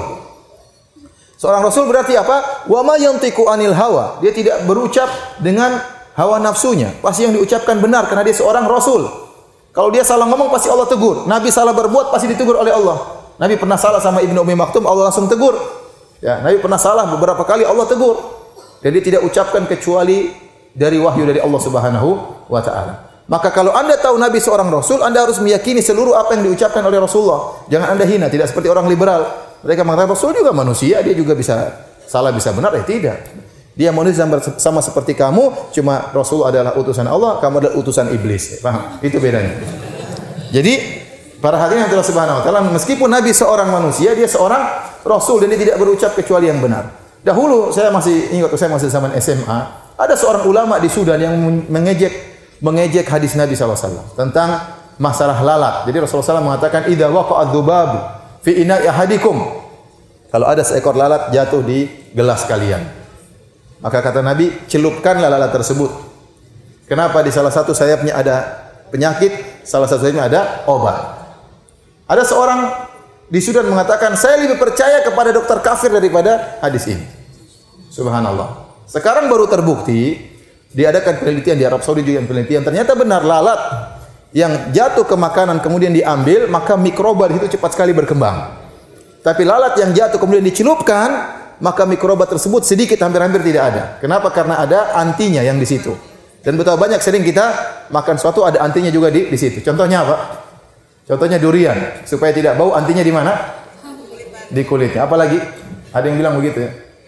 Ada ada benda-benda yang mungkin beracun tapi ada antinya juga ternyata di di situ. Contohnya lalat. Lalat salah satu sayapnya ada penyakit, sayapnya ada obat ya. Ustadz kalau ada lalat jatuh di kopi saya sudah saya buang kopinya. Ya, Itu terserah kamu. Kalau kamu tidak kuat minum, ya sudah. Saya beriman kepada Nabi tapi saya tidak kuat jijik ya terserah. Tapi kamu jangan menolak hadis Nabi. Paham? Karena hadis ini benar. Contoh, Rasulullah SAW menyuruh orang-orang yang sakit untuk berobat dengan minum air kencing onta. Sekarang orang-orang barat mengejek, apa Islam ngajarin minum air kencing onta? Ya. Padahal ada namanya obat namanya apa ya? Meribala atau apa gitu. Itu terbuat dari kencing kuda betina ya. Itu obat yang terkenal ya. Yang kalau yang buat orang barat jadi halal, kalau yang Nabi yang suruh minum air kencing onta apa? Katanya tidak benar. Sampai sekarang air kencing onta masih jadikan obat sampai sekarang. Diadakan penelitian obat untuk ini, obat untuk ini, obat untuk ini, tapi ada takarannya. Ya. Dicampur dengan susu onta, misalnya satu gelas susu onta, kemudian kencing ontanya sedikit dicampur berapa takar kemudian diminum, ya. Saya sendiri sampai sekarang tidak mau minum sampai sekarang. Tapi bukan berarti saya menolak hadis Nabi wasallam. Apalagi terakhir saya ketemu seorang ustadz saya undang pas makan sama saya di Madinah. Dia bilang, "Ustaz, saya baru dari dari apa namanya? Baru datang dari peternakan onta. Kemudian saya minum air kencing onta, Ustaz." Ya Allah, Ustaz, kecutnya luar biasa. Sampai-sampai saya ragu, itu kencing onta apa kencing penggembalanya? Jadi maksud saya, saya tidak tidak tidak ingin minum kencing onta ngapain? Tetapi saya yakin itu hadis Nabi benar. Dan banyak orang berobat dengan air kencing apa? Onta. Jadi ingat, Nabi seorang Rasul ngomongnya pasti benar, nggak mungkin salah. Jangan dengar perkataan orang mengatakan Nabi ya hanya menerapkan hukum-hukumnya di zaman dia. Sekarang sudah tidak perlu, sekarang kita yang menentukan hukum-hukum. Ngawur ini ya. Ngawur ini tidak tidak benar ya. Tidaklah hukum-hukum Islam kecuali yang terbaik dan berlaku sepanjang zaman. Bukan cuma berlaku di zaman sahabat, kemudian sekarang expire diganti dengan hukum-hukum yang lain. Kenapa? Innahu Rasulullah. Karena dia seorang apa? Rasul. Enggak mungkin salah. Enggak mungkin salah. Kalau dia salah berarti Tuhan salah. Tuhan yang ngutus dia kok salah? Paham? Jadi anda harus anti-anti, antuna harus yakin bahwasanya Rasul tidak mungkin apa? Salah. Selama hadisnya sahih. Kalau hadisnya dhaif ya salah, tapi kalau hadisnya sahih pasti benar. Taib. Perkara yang kedua, perkara yang ketiga, wa anna Isa Abdullahi wa rasuluh. Bahwasanya Isa adalah hamba Allah dan rasulnya. Kita harus yakin hal ini. Bahwasanya Nabi Isa adalah hamba Allah dan rasulnya. Pertama Nabi Isa adalah seorang rasul. Dia sebagaimana rasul-rasul Apa bedanya Nabi Isa dengan yang lain? Nabi Isa diutus sama. Na- Nabi-nabi sebelumnya juga diutus. Nabi Us, Nabi Isa dititipkan oleh Allah kitab suci. Nabi-nabi sebelumnya juga dititipkan kitab suci. Kalau Tuhan ngapain bawa kitab suci? Paham? Dia bedanya dengan nabi yang lain apa bedanya? Tidak ada tidak ada bedanya sama. Dia dengan Muhammad, dengan nabi-nabi sebelumnya, Nabi Daud, Nabi Nuh semuanya bawa bawa Alkitab, bawa kitab suci karena itu dia dia seorang utusan. Ya, kalau anak Tuhan ngapain? Kalau Tuhan ngapain bawa kitab suci? Ngomong langsung aja. Ya, oh iya paham tidak? Kalau Tuhan nggak usah bawa kitab suci, langsung apa? Ngomong. Langsung ngomong, nggak usah bawa kitab suci, maka dia seorang rasul sebagaimana rasul-rasul yang yang lain. Ya. Dan dia seorang hamba Allah. Terlalu banyak bukti dia seorang hamba Allah bahkan dalam Injil, bahkan dalam Injil. ya. Di antara bukti dia seorang hamba, buktinya dia dilahirkan dalam perut ibunya selama berbulan-bulan ya. Ya, Kalau Tuhan terperangkap di situ kan repot. Enggak keluar-keluar, terperangkap. Tergantung ibunya yang kasih makan juga, melahirkan keluar dari tempat yang kotor. Tuhan keluar dari situ kan enggak enggak enggak apa? Enggak anu lah, enggak etis lah ya. Melanggar kode etik Tuhan. Ya enggak benar keluar dari tempat seperti itu ya. Kemudian kalau dia ya eh, apa namanya? Tuhan, kenapa dia lapar? Dalam Injil disebutkan Nabi Isa lapar. Lapar kemudian dia melihat sebuah pohon dari jauh. Maka dia datangi pohon tersebut, ternyata pohonnya nggak ada buahnya. Maka dia pun kutuk pohon tersebut jadi kering. Ini dalam Injil ya. Ini kan salah, harusnya Tuhan tidak usah lapar pertama. Yang kedua masa nggak tahu pohon ada buahnya atau tidak? ya. Paling tidak pakai kacamata jauh atau gimana? Tuhan kan ngerti masa? Kalau dapat ternyata pohonnya nggak ada buahnya, nggak usah dikutuk. Kun fayakun berbuah maka berbuah kan ngapain dia kutuk pohonnya? Ini menunjukkan dia bukan apa? Tuhan. Nabi Isa juga pernah dibawa sama muridnya di atas laut kemudian ombak sementara dia ketiduran dibangunkan. Tuhan guru-guru kami bangun. Mereka tidak pernah panggil Tuhan mereka panggil guru kami. Dalam Injil disebutkan guru bangun bangun Nabi Nabi Isa nggak bangun bangun bahaya Tuhan ketiduran. Ya. kata Allah la ya, la ta'khudhu sinatu wala naum. Adapun Allah tidak tidur dan bahkan tidak ngantuk sama sekali. Tidak ada letihnya ya. Nabi Isa dikejar-kejar orang. Nabi Isa ketakutan sampai keluar keringat dari keningnya. Dia ketakutan kalau Tuhan masa ketakutan. Tuhan masa ketakutan. Kemudian Nabi Isa alaihissalam juga salat dan berdoa. Kalau dia salat salat kepada siapa? Kalau dia berdoa masa Tuhan berdoa gimana? Kalau Tuhan Tuhan aja minta kita minta ngapain minta sama Tuhan seperti ini? Uang dia saja minta kepada zat yang lain. Dan dia bukan Tuhan. Tuhan itu tidak perlu dia diminta bukan minta. Sementara dalam Injil disebutkan dia berdoa kepada bapaknya, kepada ini enggak benar. Tuhan tidak pantas untuk minta kepada yang lainnya. Ya. Jadi intinya dia adalah manusia. Allah sebut dalam Al-Qur'an Nabi Isa berkata, ya, Nabi Isa berkata, kalau mereka mengatakan Nabi Isa adalah Tuhan, buktinya dia bisa ngomong sejak kecil, itu justru dia bukti dia rasul, bukan sebagai seorang bukan sebagai Tuhan. ya. Dan dia berkata waktu dia ngomong dia mengatakan, "Inni Abdullah atani al-kitaba wa ja'alani nabiyya." Sungguhnya aku adalah hamba Allah. Allah berikan kepada aku Alkitab, Injil. Wa ja'alani nabiyya. Allah menjadikan aku seorang nabi. Wa ja'alani mubarakan aina ma kuntu. Allah menjadikan aku berkah di mana pun aku berada. Wa awsani bis salati waz zakati ma dumtu hayya. Dan Allah menyuruh aku untuk salat dan bayar zakat. Ini menunjukkan dia seorang hamba. Kalau Tuhan ngapain salat? Kalau Tuhan ngapain bayar zakat ya? Jadi dia adalah seorang hamba dan bukan Tuhan. Asal muasalnya para hadirin dan hadirat, kerusakan orang-orang Kristen, orang Nasrani itu gara-gara bid'ah yang dicetuskan oleh Paulus. Jadi Paulus itu dulu di zaman Nabi Isa, Nabi Isa tidak disembah. Tidak ada sahabat yang menyembah Nabi Isa. Namun Paulus dia ngaku sebagai seorang rasul dan Tuhannya Nabi Isa. Padahal salah Nabi Isa seorang rasul, Tuhannya Allah. Sekarang dia rubah, Nabi Isa Tuhannya, dia rasulnya. Gimana ceritanya Paulus ini? Paulus ini bikin bid'ah dia. Ya, di antara bid'ah yang dia bikin, dia bikin agama Nasrani untuk internasional. Padahal Nasrani cuma untuk Bani siapa? Israel, sama seperti Yahudi. Makanya orang Yahudi nggak suka dengan agama Nasrani karena agama tersebut dijadikan internasional. Yahudi maunya spesialis, eksklusif buat mereka, tidak ingin jadi agama internasional. Bid'ah yang lainnya dia mengaku sebagai seorang rasul. Jadi ceritanya Paulus ini hendak membunuhi orang-orang Bani Israel. Dia berjalan untuk membunuh orang Bani Israel. Di tengah jalan, tiba-tiba didatangi oleh Nabi Isa. Wahai Paulus, saya angkat kamu sebagai seorang rasul. Dan ini aneh, tidak ada dalam sejarah para rasul penjahat kemudian diangkat jadi rasul. Sejarahnya Nabi Musa, Nabi Yunus, Nabi Yusuf, Nabi Muhammad, semuanya orang-orang baik ya kan? Orang baik kemudian diangkat menjadi apa? Seorang rasul. Paulus ini lain. Ini penjahat suka bunuh orang. Tahu-tahu diangkat menjadi seorang rasul. Ini menunjukkan ceritanya dusta. Enggak mungkin ada model rasul seperti dia. Oleh karenanya risalah tesis yang terbaik dalam masalah ini yang saya setahu saya adalah tesis yang ditulis oleh Kiai Haji Said Agil Siraj. Iya. Kiai Haji Said Agil Siraj, tesis 2 S2, tesis S2 di Universitas Umul Qura judulnya tulisan-tulisan Paulus yang mempengaruhi penyimpangan agama Nasrani. Ini kalau diterjemahkan bagus sekali. Ya, tulisan-tulisan Paulus dan pengaruhnya terhadap penyimpangan agama Nasrani. Jadi agama Nasrani itu rusak gara-gara Paulus. Di antara bid'ah yang dia cetuskan, bid'ah tentang dosa dosa warisan. Jadi Nabi Adam alaihissalam bersalah, kemudian dosanya diwariskan kepada seluruh keturunannya. Tidak ada seorang pun yang lahir kecuali berlumuran dosa. Dan dosa tersebut tidak bisa dihapuskan kecuali datang anak Tuhan menebus dosa tersebut dengan disalib. Ini khurafat ya. Kalau Islam indah, Nabi Adam salah, Hawa salah. Kemudian mereka berdua bertobat atau tidak?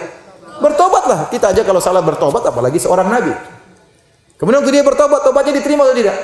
Jangankan Nabi bertobat, kita orang aja bertobat, Allah terima, apalagi seorang Nabi. Allah berfirman dalam Al-Quran, وَتَلَقَّ آدَمُ مِنْ رَبِّهِ كَلِمَاتٍ فَتَابَ عَلَيْهِ Allah menerima permohonan tobatnya Nabi Adam, ya dan Allah terima tobat Nabi Adam. Tobat sudah diterima, dosa sudah selesai, ngapain diwariskan? Ngapain diwariskan? Mereka bikin khurafat, ada dosa warisan. Dalam Islam wala taziru waziratun wizra ukhra. Tidak ada seorang yang memikul dosa orang lain. Bapak kita salah, masa kita ikut salah? Bapak yang salah sudah selesai, masa kita ikut salah? Ya. Nabi Adam salah, kemudian keturunannya miliar ini semua apa? nanggung dosanya kan nggak mungkin. Kalau dosa Nabi Adam pun misalnya satu miliar dibagi-bagi kan habis sebenarnya kalau mau dibagi-bagi. Ya. Ini kenapa semuanya sama dosa seperti Nabi Adam. Jadi ini khurafat, akhirnya mereka meyakini dosa tersebut tidak bisa terhapuskan kecuali kalau ditebus oleh Nabi Isa sebagai anak anak Tuhan. Makanya harusnya konsekuensinya mereka itu berterima kasih kepada orang-orang yang menyalib Nabi Isa.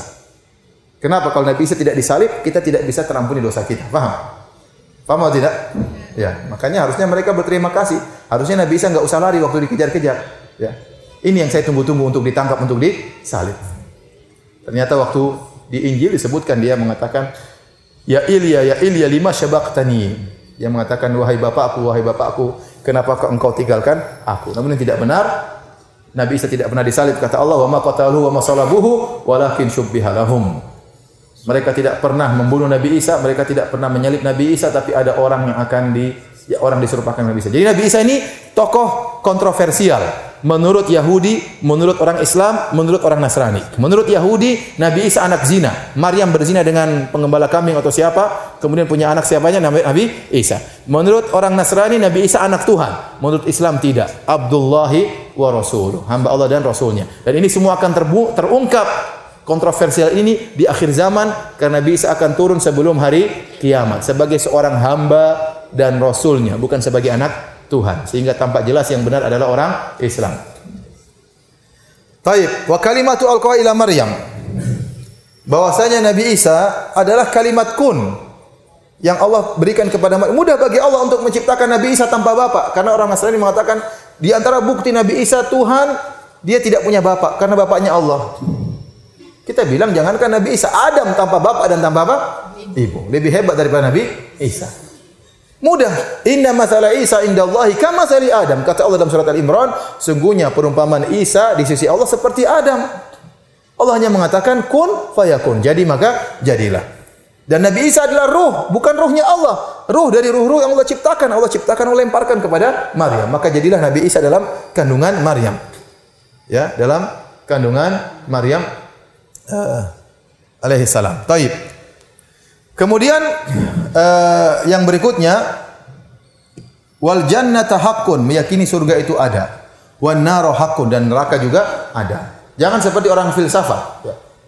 Ini keyakinan ini dinukil oleh dinukil oleh uh, dia berkata bahwasanya sebagai ahli filsafat menyatakan bahwasanya surga itu sebenarnya enggak ada, neraka itu enggak ada. Jadi Allah hanya menyebut neraka dan surga itu supaya orang itu takut. Sebenarnya enggak ada. Ini orang-orang filsafat dan dinukil oleh entah dia setuju atau tidak, tapi dia nukil pendapat seperti ini. Ini tidak benar. Yang benar surga itu ada, neraka itu apa? Ada. Neraka itu ada, surga itu ada ya. Maka kita harus meyakini akan ada surga, akan ada neraka dalam Al-Qur'an Allah sebutkan tentang surga, dalam Al-Qur'an Allah juga sebut tentang apa? Neraka. Barang saya meyakini semua satu, dua, tiga, empat, lima, maka balasannya adakhullahul jannata ala ma kala minal amal. Allah akan masukkan dia surga apa pun amalannya. Jadi ala makana minal amal ada dua tafsiran. Dia pasti masuk surga. Ala makana minal amal ada dua tafsiran.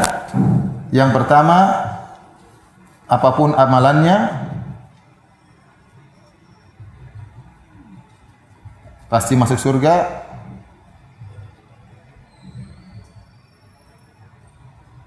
Yang kedua, masuk surga berdasarkan amalannya.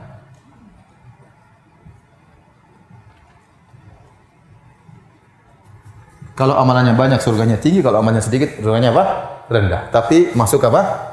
surga. Maka hadirin dan hadirat yang dirahmati Allah Subhanahu wa taala uh, seorang ya berusaha untuk membenahi akidahnya. Kan ini semua masalah apa? Akidah.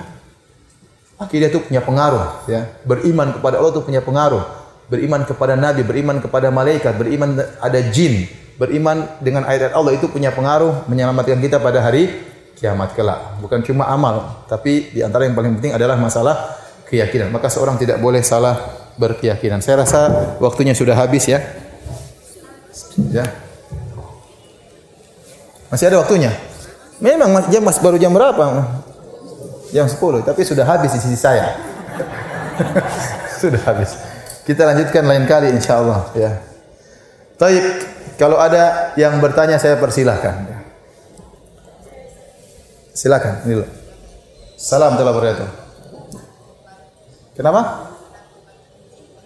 Saya kurang dengar. Ada ada mic kah? Enggak ada. Ini aja kasih mic kan,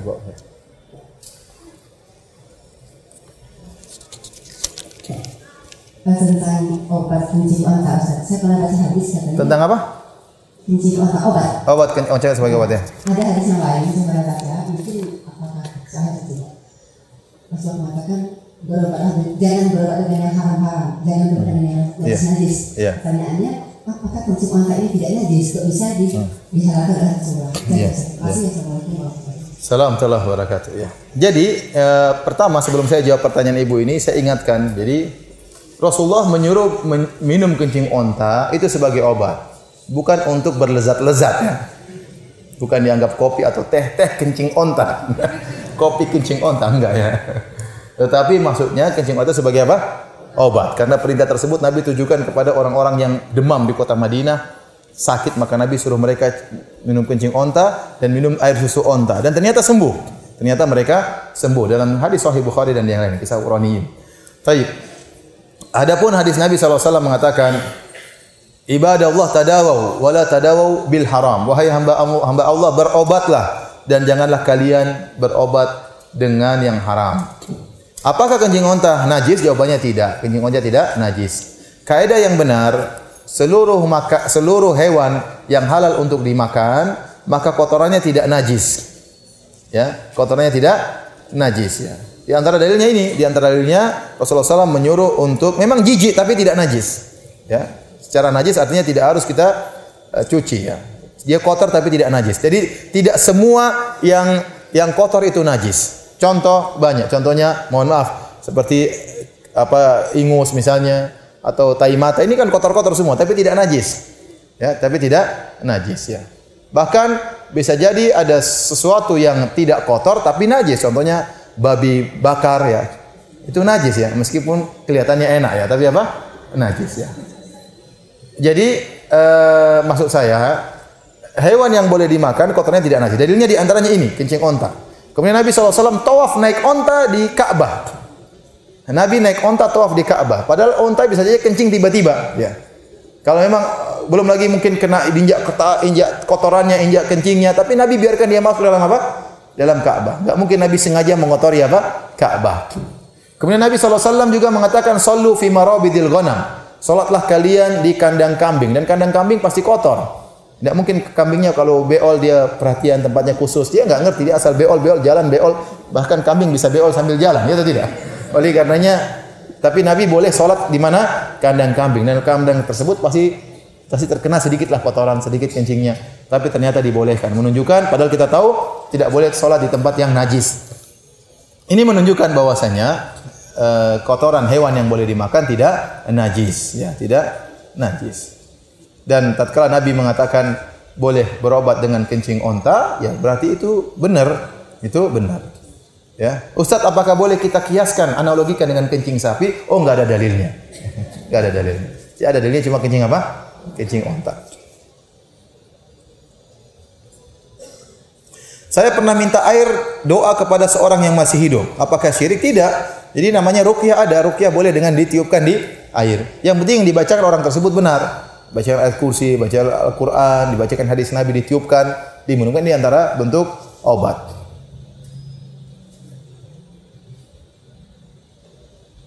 Sebelum salam saya suka berdoa, meminta apakah dilafalkan atau cukup dalam hati saya saja ya. Kalau bisa berdoa dengan doa-doa yang diajarkan oleh Nabi ya. Berusaha hafal ya.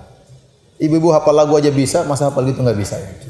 Berusaha hafal, diulang-ulang, lima kali diulang, insya Allah hafal. Doa-doa karena kita mau mengganti, ya boleh kita doa dengan bebas, tapi doa-doa Nabi yang lebih diutamakan. Terutama doa-doa minta pengampunan dari Allah Subhanahu Wa Taala. Doa sebelum salam, tasyahud.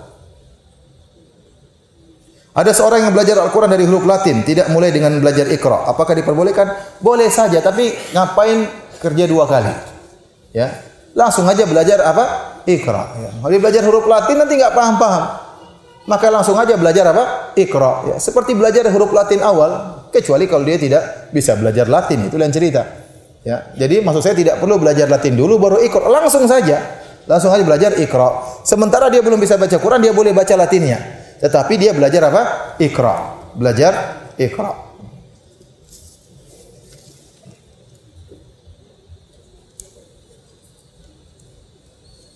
Ustaz, apakah orang yang masih suka mengerjakan perbuatan syirik ketika melakukan amalan-amalan ibadah seperti sholat, sedekah, baca Quran akan diterima oleh Allah? Kalau syiriknya syirik akbar tidak diterima. Karena kata Nabi kata Allah Subhanahu wa taala, ya, uh, Wa laqad uhiya ilaika wa illadzina min qablik la in asyrakta la yahbatanna amaluk. Telah diwahyukan kepada engkau wahai Muhammad dan kepada nabi-nabi sebelummu, kalau engkau berbuat syirik, maka akan gugur seluruh amalanmu. Tapi kalau berkaitan dengan syirik kecil, maka tidak mengapa, diterima. Dia syirik kecil dosa sendiri, dia salat diterima. Tapi kalau syirik besar, minta kepada penghuni kubur, ya, percaya kepada dukun atau ilmu gaib misalnya, ya menyembelih kepada selain Allah, maka ini dosa pahalanya semuanya gugur. Apakah termasuk bid'ah jika saya membiasakan diri berzikir saat jalan pagi sendiri yang dibaca hanya itu-itu saja? Subhanallah, alhamdulillah, Allahu akbar. Kenapa dia membaca itu-itu saja? Karena tidak hafal mestinya.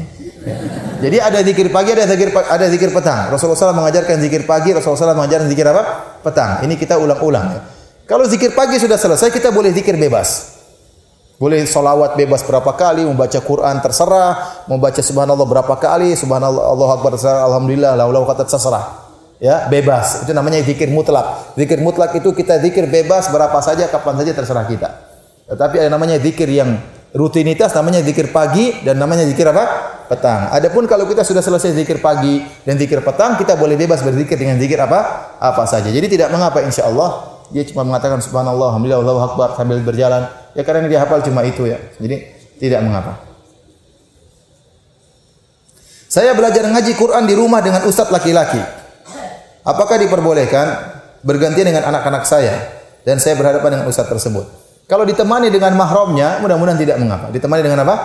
Mahramnya, mudah-mudahan tidak tidak mengapa. Tidak boleh dia berduaan, ya tidak boleh dengan ditemani anaknya masih kecil tidak. Harus ditemani dengan mahramnya, suaminya atau yang mahramnya malu, eh, yang apa? Yang lelaki tersebut malu dengan kehadiran mahramnya ya, ya.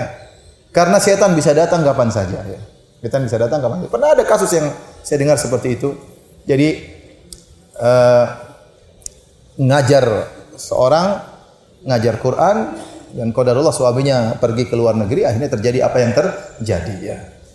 Karena setan bisa datang ya. Bisa jadi sang wanita terpukau dengan cerdasnya sang ustadz, bisa jadi sang ustadz terpukau dengan cantiknya sang wanita. Atau terpukau dengan pinternya, oh kok cepat sekali diajar. Namanya laki perempuan pasti ada strongnya. Pasti ada strongnya. Pokoknya yang jadi namanya mahram itu adalah sudah dewasa dan orang tersebut merasa malu dengan kehadirannya. Sehingga dia tidak berani untuk apa? Uh, bermacam. Tentunya yang paling bagus belajar tajwid sama ustazah, itu yang paling bagus. Tapi saya bilang kalaupun harus dengan ustadz laki-laki, ya maka tadi harus ada mahramnya. Ya, karena rawan masalah begini tuh rawan, ya, rawan. Dan dan saya menganjurkan lebih baik tidak usah. Lebih baik apa? Tidak usah. Tapi kalau memang tidak ada lagi guru kecuali laki-laki ini, maka syaratnya harus terpenuhi. Apakah manusia bisa masuk surga dengan amal yang tanpa rahmat? Manusia masuk surga dengan amalnya, amalnya itulah yang menyebabkan adanya rahmat Allah Subhanahu wa taala. Dan Allah Maha Adil.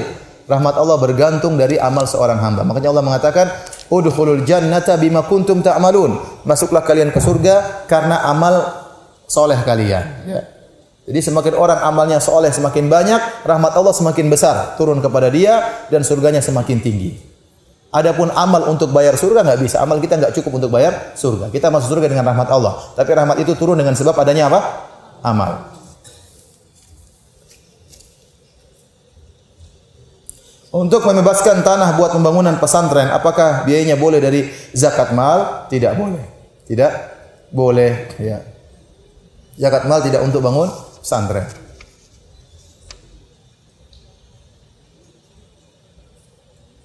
Bagaimana derajat hadis mengenai hari Arafah diharuskan saling maaf-maafkan? Ini enggak ada dalilnya. Ini enggak ada dalilnya.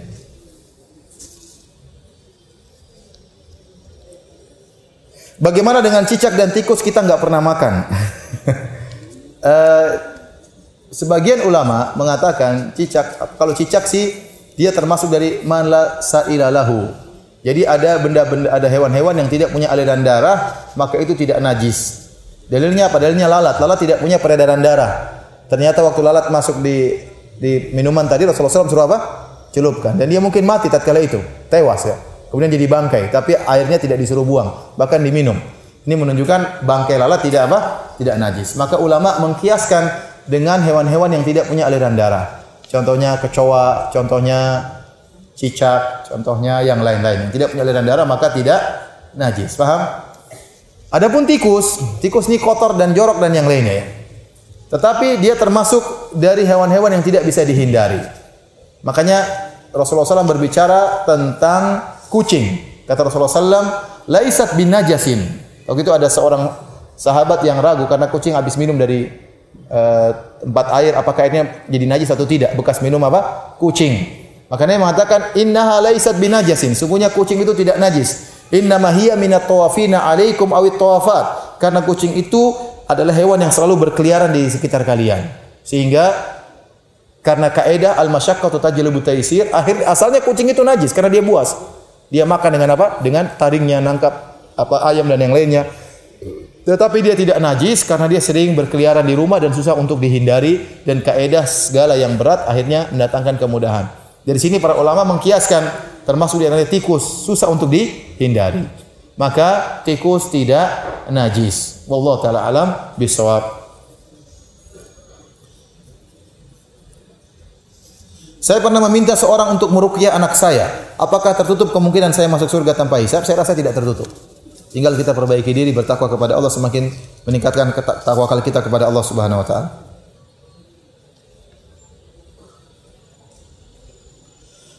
Kalau setelah maghrib kita tutup pintu dan jendela untuk menghindari setan masuk rumah kita, ya, ya apakah benar? Ya, maksudnya jangan kita keluarkan anak-anak berkeliaran, khawatir diganggu oleh. Ada hadisnya ya, disuruh untuk uh, melakukan demikian.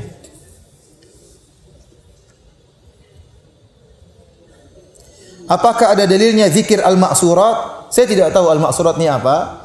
Kalau al maksurat adalah kumpulan zikir-zikir dan doa-doa, tinggal diperiksa di kumpulan tersebut. Ada dalilnya enggak setiap zikir tersebut? Kalau ada kita terima, kalau enggak kita coret. Paham? Itu hanya sekedar jasa seseorang yang mengumpulkan apa? Zikir dan doa. Ya tinggal kita periksa ya. Apakah zikirnya benar atau tidak? Kalau benar kita amalkan. Kalau enggak benar maka kita bilang dia dia salah. Saya sendiri tidak tahu buku tersebut, tapi tinggal dicek ya. Sebagaimana buku-buku doa yang lain ditulis oleh ulama, ditulis oleh syekh, ditulis oleh seorang, ditulis oleh seorang penuntut ilmu, dikumpulkan, dia tinggal kita cek benar atau tidak. Bagaimana cara efektif untuk mengajarkan ngaji atau baca Al-Quran? Apakah langsung praktek baca atau ajarkan ngaji disertai teori nama-nama hukum tajwid? Ini coba tanya sama guru tajwid, saya tidak tahu. Mereka lebih paham.